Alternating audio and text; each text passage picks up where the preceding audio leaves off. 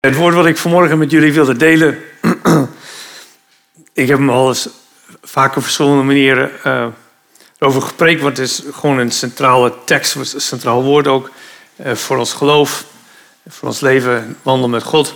Maar dan merk je dat ook gewoon het moment en de dienst en wat er allemaal omheen gebeurt, dat bepaalt ook weer um, ja, een beetje de kleur van, van hoe de preek is. Dus ik heb het een beetje uitgewerkt. Dus ik zal niet veel anders zeggen dan ik op een andere keer gezegd heb. En tegelijk klinkt het gewoon weer heel anders. En dat vind ik, vind ik ook gewoon heel gaaf om te horen. Ja, dat Gods woord ook levend is. Hè? Dat, het, het heeft interactie, het brengt leven voort. En het, uh, en het roept ons ook tot leven. Um, fijn om jullie weer te zien. Althans, een aantal van jullie.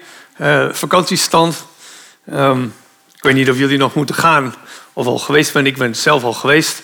Dus uh, ik pak de draad weer langzaam op en lekker rustig aan. Want iedereen gaat met vakantie en er geen vergaderingen. Geen, heerlijk. Gewoon dubbel vakantie. Ja. Um, vanmorgen wilde ik uh, met jullie lezen gedeelte uit 2 Korintiërs 12, versen 1 tot 10. En ik heb de MBV bij mij, maar ik zal hem met jullie lezen van de NBG. De oude vertaling, zoals ze dat heette voor de jongeren onder ons. De echte voor, voor anderen. En nou ja, ga zo maar door.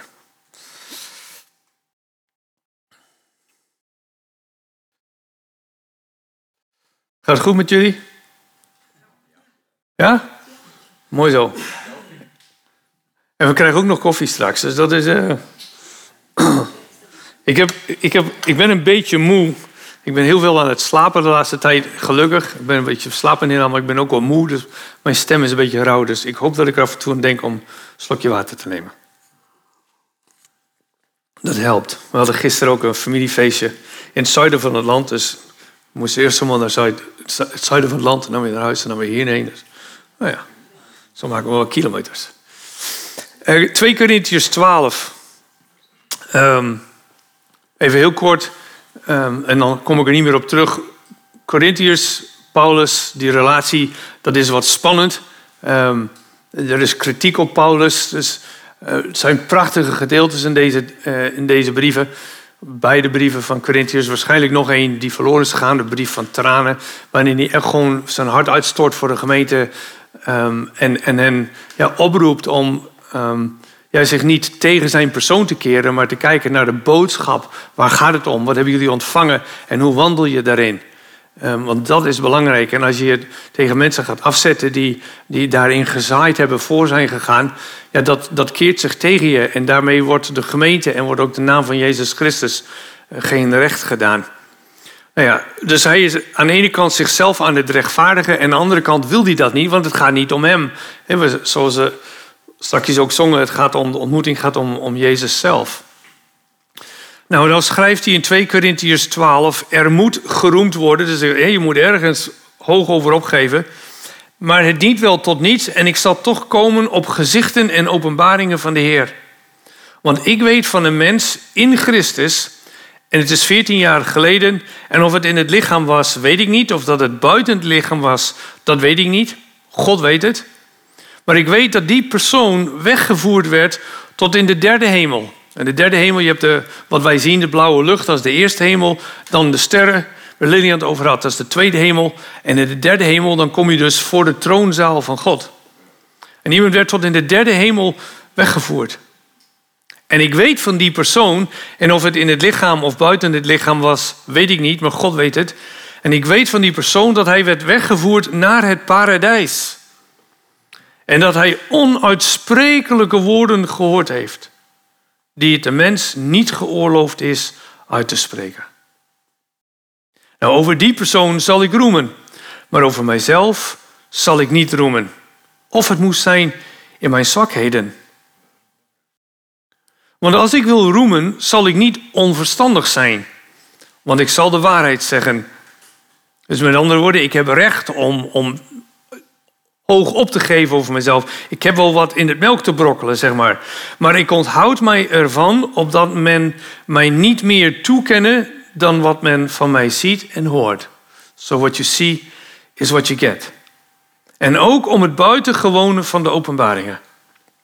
En daarom is mij, opdat ik, in mij, opdat ik mij niet te zeer zou verheffen, is mij een doorn in het vlees gegeven. Een engel van de Satan, om mij met vuisten te slaan, opdat ik mij niet te zeer zou verheffen. En driemaal heb ik de Heer hierover gebeden, dat hij van mij zou aflaten. En hij heeft tot mij gezegd, mijn genade is u genoeg. Want de kracht openbaart zich eerst ten volle in zwakheid. Heel graag zal ik dus in mijn zwakheden nog meer roemen, opdat de kracht van Christus over mij komen. Daarom heb ik zelfs een welbehagen, dus ik ben blij met de zwakheden en de smaadheden en de noden en de vervolgingen en de benauwenissen ter wille van Christus. Want als ik zwak ben, dan ben ik machtig. De titel van de preek vanmorgen is Als het toereikend is, dan. Als het toereikend is, dan. En ik hoop dat, dat ik je mag meegeven en ja, dat ook mezelf opnieuw weer. Ehm, dat we na, na deze dienst, na deze uh, ochtend, um, moed hebben. En ik weet niet waar jij mee te maken hebt, of het de uitdaging is omdat je gaat dirigeren in LA, of dat je gewoon elke dag op zich al een groot genoeg uitdaging is om het hoofd misschien fysiek of financieel op welke manier dan ook boven het water te houden, maar dat je moed hebt om elke dag tegemoet te gaan met vertrouwen dat je genoeg hebt om de uitdagingen aan te gaan. God zegt tegen Paulus dat wat jij daarvoor nodig hebt, die uitdaging die jij voor je ziet, datgene waar jij mee worstelt, wat je daarvoor nodig hebt, is alleen maar mijn genade. Mijn genade is voor jou genoeg. Nou, mijn ervaring, ehm, en zowel wat ik hoor buiten mij, maar ook mijn eigen denken met het woord genade, is dat het een beetje een glibberig uh, gebeuren is. Het, het, het glipt je zo uit de handen. En, en dat komt omdat het, aan de ene kant lijkt het soms alsof het een, een, ja, een soort liefdadige houding is van God tegenover ons, maar dat het heel weinig concreets is. En ik heb dat volgens mij ook hier wel eens een keer verteld. Had ik een klein paadje, zo'n Playmobil paadje mee. Dat, dat noemde ik Grace. En ik vertelde toen hoe dat sommige mensen, christenen dus, ontzettend veel moeite hebben om op die paard te gaan zitten. Op dat paard. Uh, dus met andere woorden, van, ze komen maar niet van de grond. Het, het omarmen van wat genade is en dat God genade voor ieder van ons en voor jou en mij heeft uitgestort in Jezus Christus. Dat krijgen we dan op een of andere manier maar niet goed in de vingers. En dat zijn, dan krijg je dus dat, dat mensen een soort negatief zelfbeeld hebben, maar ook er niet van af kunnen komen. En ook in je denken, dat je denkt van ja, nou ja, ik ben maar, of het zal wel. En, en er, is een, er is een soort handrem op je leven, er is een handrem op je denken. Eh, en dat kan van de omgeving zijn, maar dat kan op een gegeven moment ook zo in jezelf geland zijn en, en, en een voetstuk hebben gekregen. Dat het je maar niet lukt om te beseffen, maar ik ben de zoon of ik ben de dochter van de Allerhoogste God. En mijn zonden zijn vergeven. En ik mag staan in de volheid van zijn genade. En, en ik mag elke uitdaging en elke roeping aangaan in de naam van Jezus Christus. Zoals David met een paar steentjes die grote reus Goliath tegemoet ging. Hij zegt in de naam van de God van de legerscharen van Israël die jij vervloekt hebt, zal ik vandaag jouw kop afhouden. Misschien hoeft het niet zo bombastisch, zo, zo, zo voluit, maar dat je nou voor kunt zeggen, you know, we can do this. We've got it. Maar het heeft ermee te maken dat, dat je dus wel die genade kan omarmen voor jezelf. En zeggen, ja, Heer, ik aanvaard het. Zoals dat moment dat je Jezus Christus in je leven hebt ervaren, ontvangen en zijn vergeving hebt ervaren en wist op dat moment, maar het is goed. En dat dat, dat, dat een weten is en een houding is die elke dag met je meegaat. Het andere gevaar van genade is dan zitten we een keer op dat paard en dan denken we, en ik heb hem door. En ik weet hoe het zit. We've got it. I've got it. En dan hebben we die genade als het ware in onze eigen zak gesteken, gestoken. En als resultaat zijn we over het paard getild en kukelen we aan de andere kant weer af. En, en daar, om dat is best wel een beetje spannend. Het is, een beetje, het is net zoals iemand die nog steeds moet leren om paard te rijden. En je bent constant een beetje hangen aan die kant en dan een beetje hangen aan die kant. En we hebben lang, lang niet het in de macht zoals die Indianen die als ze op, op oorlogspad gingen... gewoon als het ware om de nek van het paard konden hangen. En dan pijlen konden schieten ondertussen. En er waren voor de cowboys gewoon en de soldaten... die waren gewoon niet te stuiten. Zo behendig gingen ze met het paard om. En God wil dat wij behendig met zijn genade omgaan. Dat we, dat we er houvast aan hebben. En dat we weten van, oh, nou mag ik deze kant op leunen. Nou die kant, zonder dat we er afglijden. De linker of de rechterzijde. God zegt in dit vers, mijn genade, dus die genade die ik jou geef, Paulus, is voor jou genoeg. En, en, en Paulus zegt dan ook, hij zegt, dit, die, deze woorden heb ik gekregen in, te midden van een, een worsteling. Dus een, ja, hij zegt, er is een, een engel van de Satan die met vuisten op mij slaat. En we weten nog steeds niet, en dat zullen we dus waarschijnlijk niet weten, totdat we boven komen. En dan kunnen we zeggen, wat was nou die engel, die Satan, de engel van de Satan? Maar in elk geval, of het fysiek was, of dat het een, een vijand was, of we weten het niet. Maar het zat hem wel flink dwars. En het hield hem tegen, of het hield hem niet tegen, maar het, het beperkte hem. In wat hij wilde en wat hij dacht dat hij moest doen. En de roeping die hij op zijn leven had. En het verlangen om God te dienen in elke situatie. En elke keer was er dat, dat ene wat als het ware een beperking lag. Misschien moest hij wel op tijd naar bed, weet ik veel. Terwijl hij s'avonds tot laat had willen vergaderen. Of Noem maar op. sommige mensen houden van vergaderen, jullie lachen wel. Maar... En, en, het is, en, en dan als, als God zegt, mijn genade is u genoeg, zou je haast kunnen denken dat, dat God als het ware aan Paulus, als, als ook Paulus probeert zijn plek, zijn positie op dat paard goed goed in, in de greep te krijgen dat God hem iets geeft waar, wat hem voortdurend als het ware dreigt uit balans te gooien. Waardoor hij zich dus als het ware nog meer moet vastklampen aan de genade.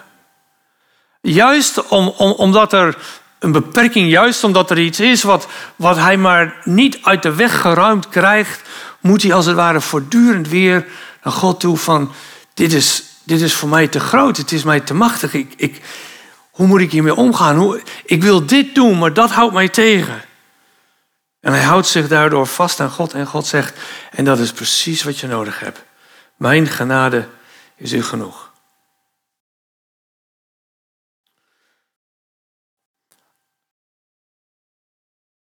En, en dat woord genoeg, dat, is, dat klinkt als, um, tenminste ik heb er altijd een beetje gehoord van, dat is precies wat je genoeg hebt.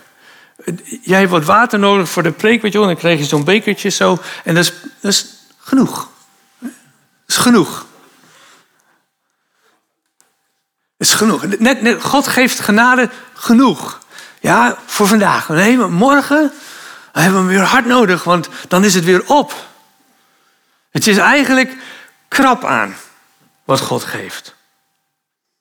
Nou, ik wil je even uit die droom helpen. Want het woord genoeg hier in het Grieks is een woord wat eigenlijk, zou je beter kunnen vertalen met toereikend. Het, het voorziet in alles wat je nodig hebt. Het is niet net aan zodat jij het redt met hakken over de sloot, maar het is als het ware een stortvloed van Gods kracht en Gods genade en zijn goedheid en, en zijn, zijn aanwezigheid en alles wat God is, wat Hij in ons geeft. En dat is toereikend. Dat is wat je nodig hebt om de klus te klaren.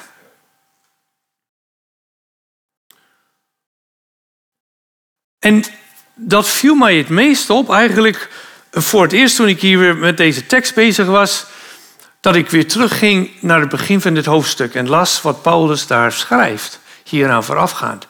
Want zegt hij, voordat hij het heeft over dat doorn in het vlees en, en de strijd met de engel van de Satan, heeft hij dus over allerlei openbaringen en visioenen. Genade is dus iets wat Paulus letterlijk ontvangen heeft. Het, het, het, het is iets waar hij wat mee kan, waar hij naar kan verwijzen. Genade is dus meer dan alleen maar een soort houding van God naar ons toe. Van weet je, het is wel goed zo, nou dan moet ik het daar maar mee doen. Nee, genade is eigenlijk God zelf in deze wereld en in jou en mijn leven. Als je gaat kijken waar het woord genade voorkomt en, en hoe dat in het Nieuwe Testament gebruikt wordt, dan zie je dat genade soms als een synoniem is voor het evangelie, voor het goede nieuws. Dus ons is de boodschap van het genade eh, overhandigd, zegt Paulus. Ons is het mysterie van het evangelie van Jezus Christus toevertrouwd. En het mysterie van het evangelie van Jezus Christus, die voor alle eeuwen verborgen is geweest, nu in Jezus Christus is geopenbaard en aan Paulus is toevertrouwd, dat is dus dat evangelie van genade. Dus eigenlijk zou je kunnen zeggen, alles wat de Bijbel ons vertelt over wie God is en, en hoe Hij zich in Jezus Christus openbaart, dat, dat wij daarin vergeving, maar ook nieuw leven, eeuwig leven hebben ontvangen, dat is allemaal genade. En Paulus heeft daar inzicht in gekregen tot, tot zover dat hij zelfs voor de troonzaal van God mocht komen. Op een plek waar de dingen die hij daar hoort, dat je dat niet eens, voor zover je het überhaupt in woorden uit zou kunnen drukken in menselijke taal, maar dat het niet veroorloofd is. Het is niet toegestaan om die woorden hier uit te spreken. Dat zijn nog geheimenissen die nog geopenbaard zullen worden aan het einde van de tijd. En Paulus heeft dat te zien gekregen. En God zegt tegen hem, en elke keer dat jij die, die vuist van die engel van de Satan voelt, elke keer dat jij die prik van de doorn ervaart in jouw vlees, dan wil ik dat je daaraan terugdenkt. Dan wil ik dat je je dit weer um, herinnert.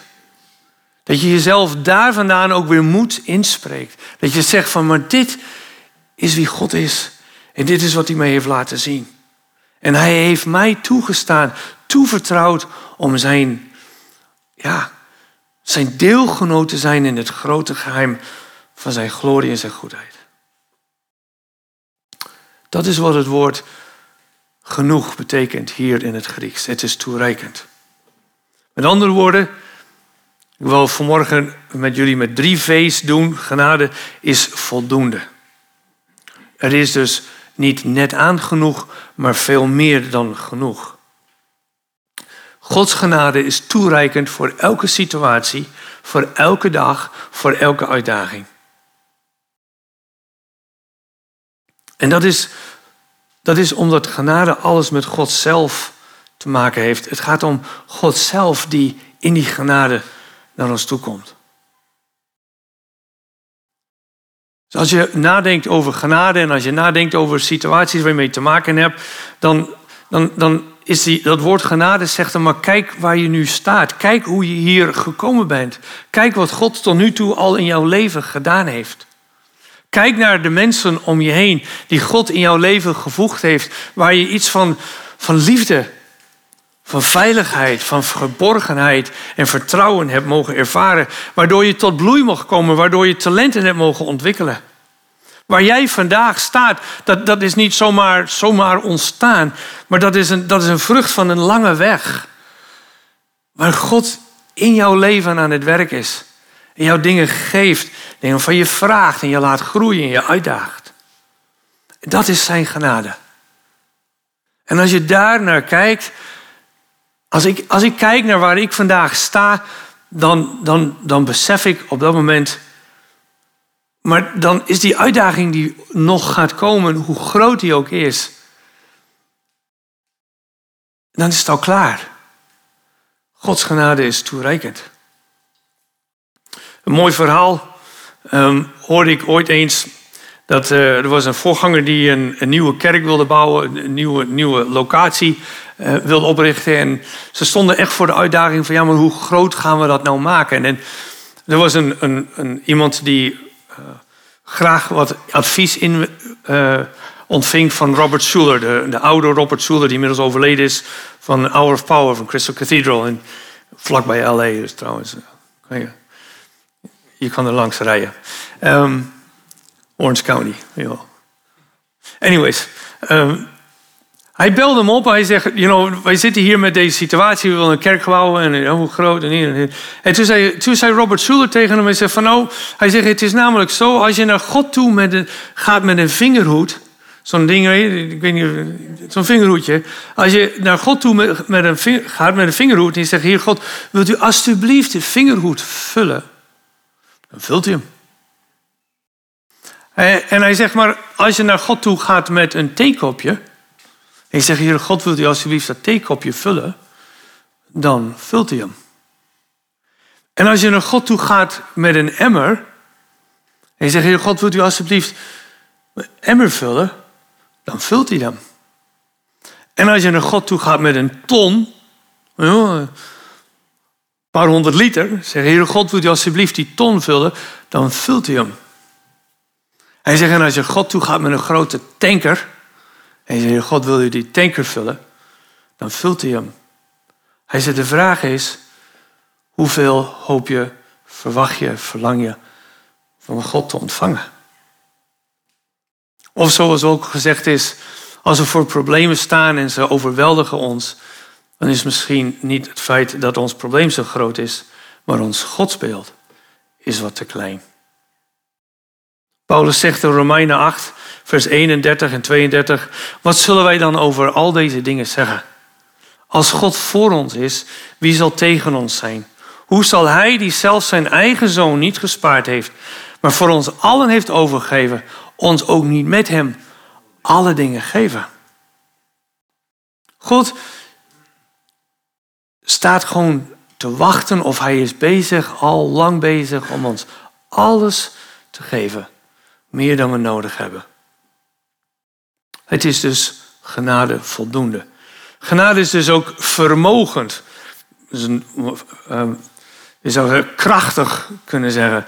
En het mooie is van de woorden die Paulus hier gebruikt in dit hoofdstuk, in deze verse, is dat er eigenlijk twee soorten woorden. De een is, nou zijn zwakheden, dus zijn beperkingen, de dingen waar hij mee worstelt, dingen waar hij tegenaan loopt, eh, alles waar hij in tekort komt, eh, dingen die hem overkomen.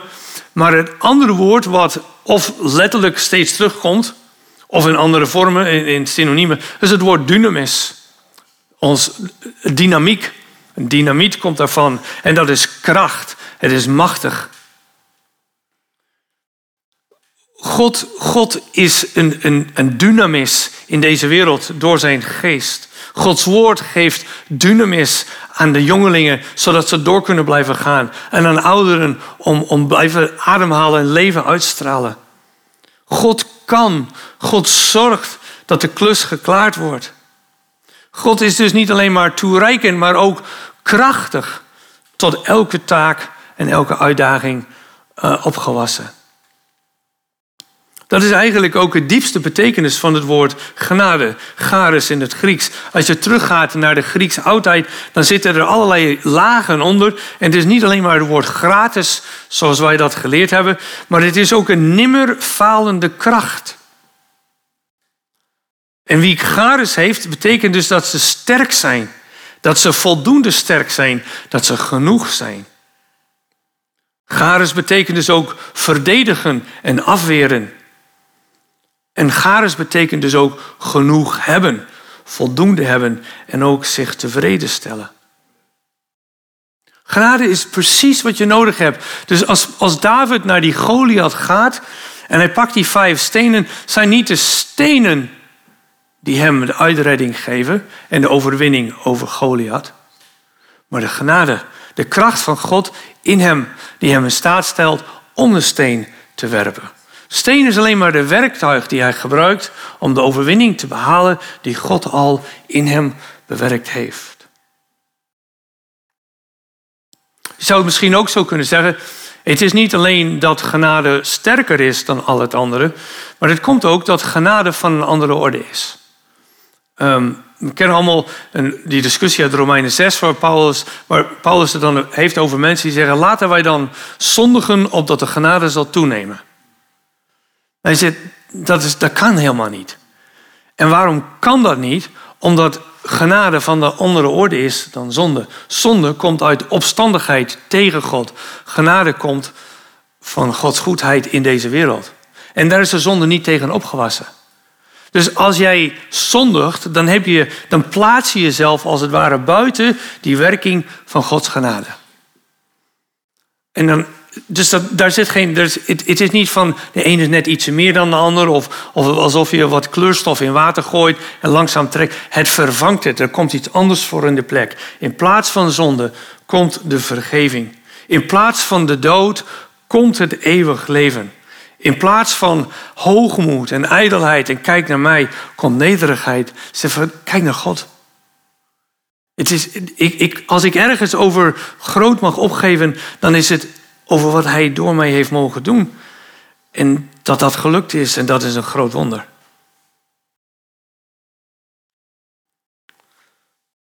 En daarom kan Paulus dus ook zeggen, omdat genade zo vermogend is, ik vermag alle dingen in hem die mij kracht geeft. Precies hetzelfde woord, dunamis meer.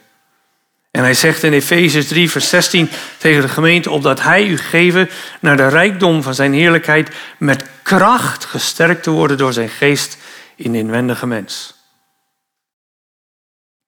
En hoe mooi het ook is, dat, dat God die kracht geeft dus in aardenvaten, wat hij in 2 Corinthians 4, in dezezelfde brief, benoemt. We zeggen onze zwakheden, aardevaten en er zitten barsten in, et cetera. Maar Gods kracht en Gods glorie schijnt juist, schijnt juist door die, die, die gebrokenheid heen. Het doet een beetje denken aan dat Japanse herstelkunst. Ik ben even het woord, ook kintsugi heet dat. Waarin ze dus gebarsten porselein of keramiek lijmen met, met een soort goudverf. Waardoor die barsten juist zichtbaar worden, maar dat, dat, dat uh, potje of kopje of wat dan ook mooier wordt. Genade is dus voldoende. Genade is uh, vermogend, is verkrachtig. En genade geeft dus ook vertrouwen. Vertrouwen. En dat komt, en vertrouwen, dat weet je zelf waarschijnlijk ook wel, vertrouwen dat komt in hele kleine stapjes. En, en dat ervaar je ook als vertrouwen geschonden is, dan is het weg en dan duurt het heel lang en dan komt een hele kleine stukjes weer terug. Als je ooit bedrogen bent door iemand of, of er is iets fout gegaan in relatie of, of je hebt eens een keer ergens over gelogen of is dat gebeurd, waardoor vertrouwen in elkaar geschaad is, dan moet je dat weer langzaamaan opbouwen. Daarom roemt Paulus ook over die openbaring. Dat vertrouwen die op Gods genade mag hebben, dat is opgebouwd uit allerlei openbaringen en momenten en ervaringen die ik samen met God heb uh, beleefd, waarin ik heb gezien en geproefd, zoals hier ook staat, dat de Heer goed is. En als God zegt, mijn genade is voor jou genoeg, God kan dat zeggen omdat hij volledig op zichzelf vertrouwt. Maar dat betekent dus ook dat wij op Hem kunnen vertrouwen. Dus hoe morgen er ook uit zal zien, of volgende week of eind augustus, of welke uitdaging ook is, God heeft meer dan genoeg. Hij vertrouwt op zichzelf dat Hij jou daar doorheen gaat helpen en gaat leiden, gaat voorzien. En dus kunnen we ook op Hem vertrouwen. De kunst is dat we weten hoe we dat vertrouwen opbouwen.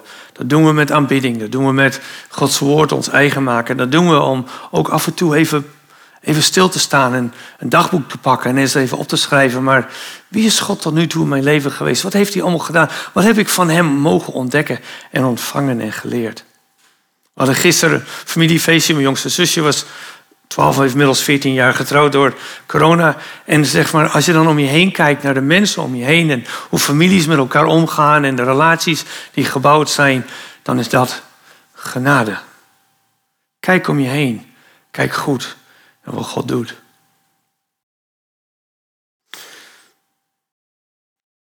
Als ik kijk naar alle moeilijke momenten in mijn leven, en er zijn er een paar geweest, zeg maar als ik kijk naar al die momenten, wat het moeilijkste maakt, heeft gemaakt op dat moment, was niet wat mensen zeiden of twijfel aan mezelf, maar dat ik eigenlijk onvoldoende besef had dat wat God hier zei ook op dat moment waar was. En dat ik op zijn genade kon vertrouwen dat het wel weer goed zou komen. Dat hij er mij er doorheen zou leiden. En dat ik meer van Hem en Zijn goedheid zou leren kennen. Het is niet voor niks dat een van de bekendste psalmen is: De Heer is mijn herder. En dan zegt de psalmist erachteraan: Mij ontbreekt niets. Mij ontbreekt niets. Mijn genade is voor jou genoeg. Jacco die heeft gedeeld over een uitdaging die hij aanging. Nou, om niet voorbedachte raden. Dus uh, ik laat hem bij jou liggen. Maar ook uit mijn eigen leven kan ik zeggen, ik word dit jaar 60. En ik zit in een midlife crisis. Het weet je zeggen, dat doe je tot je weer 40. Ja, nou ja, sommige mensen worden oud. en ik puberde pas bij mijn 27 Maar ik mag je eerlijk zeggen, het is wel een dingetje. Ik ben echt wel een beetje van, oké, en de tweede helft dan, hoe gaat dat er nou uitzien? En daar heb ik echt wel mee geworsteld. En het was dus ook door die worsteling heen dat ik bij deze tekst uitkwam. En ik heb nog, ik kan je niet zeggen wat de tweede helft wordt. Uh, ik weet dat ik ga winnen, dat is altijd. maar ik heb dus ook een uitdaging. En daar moet ik mee aan de slag. En daar ga ik ook mee aan de slag. Ik ga boeken lezen, ik ga gesprekken aan, ik ga coaching aan, etc. Want ik wil weten, hoe ga ik dit aanpakken? Maar ik weet dat wat mij leidt, eh, niet alleen Gods genade is mij daar doorheen zal leiden, maar dat Hij ook voorziet in wat ik nodig heb om dat proces in te gaan. En er doorheen te gaan. En er uiteindelijk beter van te worden. En ik wil daarmee afsluiten en, en aan jullie ook gewoon de vraag meegeven. Dat we gewoon even een moment stil zijn. En zeggen van, als Gods genade genoeg is. Als Gods genade toereikend is. Meer is dan wat je echt nodig hebt. Welke uitdaging zou jij dan aan kunnen gaan? Welke uitdaging ligt er op jouw pad? Zit, heeft jouw naamkaartje erop? Of heb je gewoon het gevoel van, eh, er is iemand die aan mijn deur rammelt en zegt, wordt het niet tijd dat? En als Gods genade toereikend is, wat betekent dat voor jou? Ik wil je gewoon allemaal even een moment geven om samen met de Heer en Heilige Geest erover na te denken. En dan sluit ik zo af met een gebed. In Jezaja 40 staat, hij geeft de moede kracht en de machteloze vermeerdert hij sterkte. Jongelingen worden moe en mat en zelfs jonge mannen struikelen, maar wie de Heer verwachten, put een nieuwe kracht.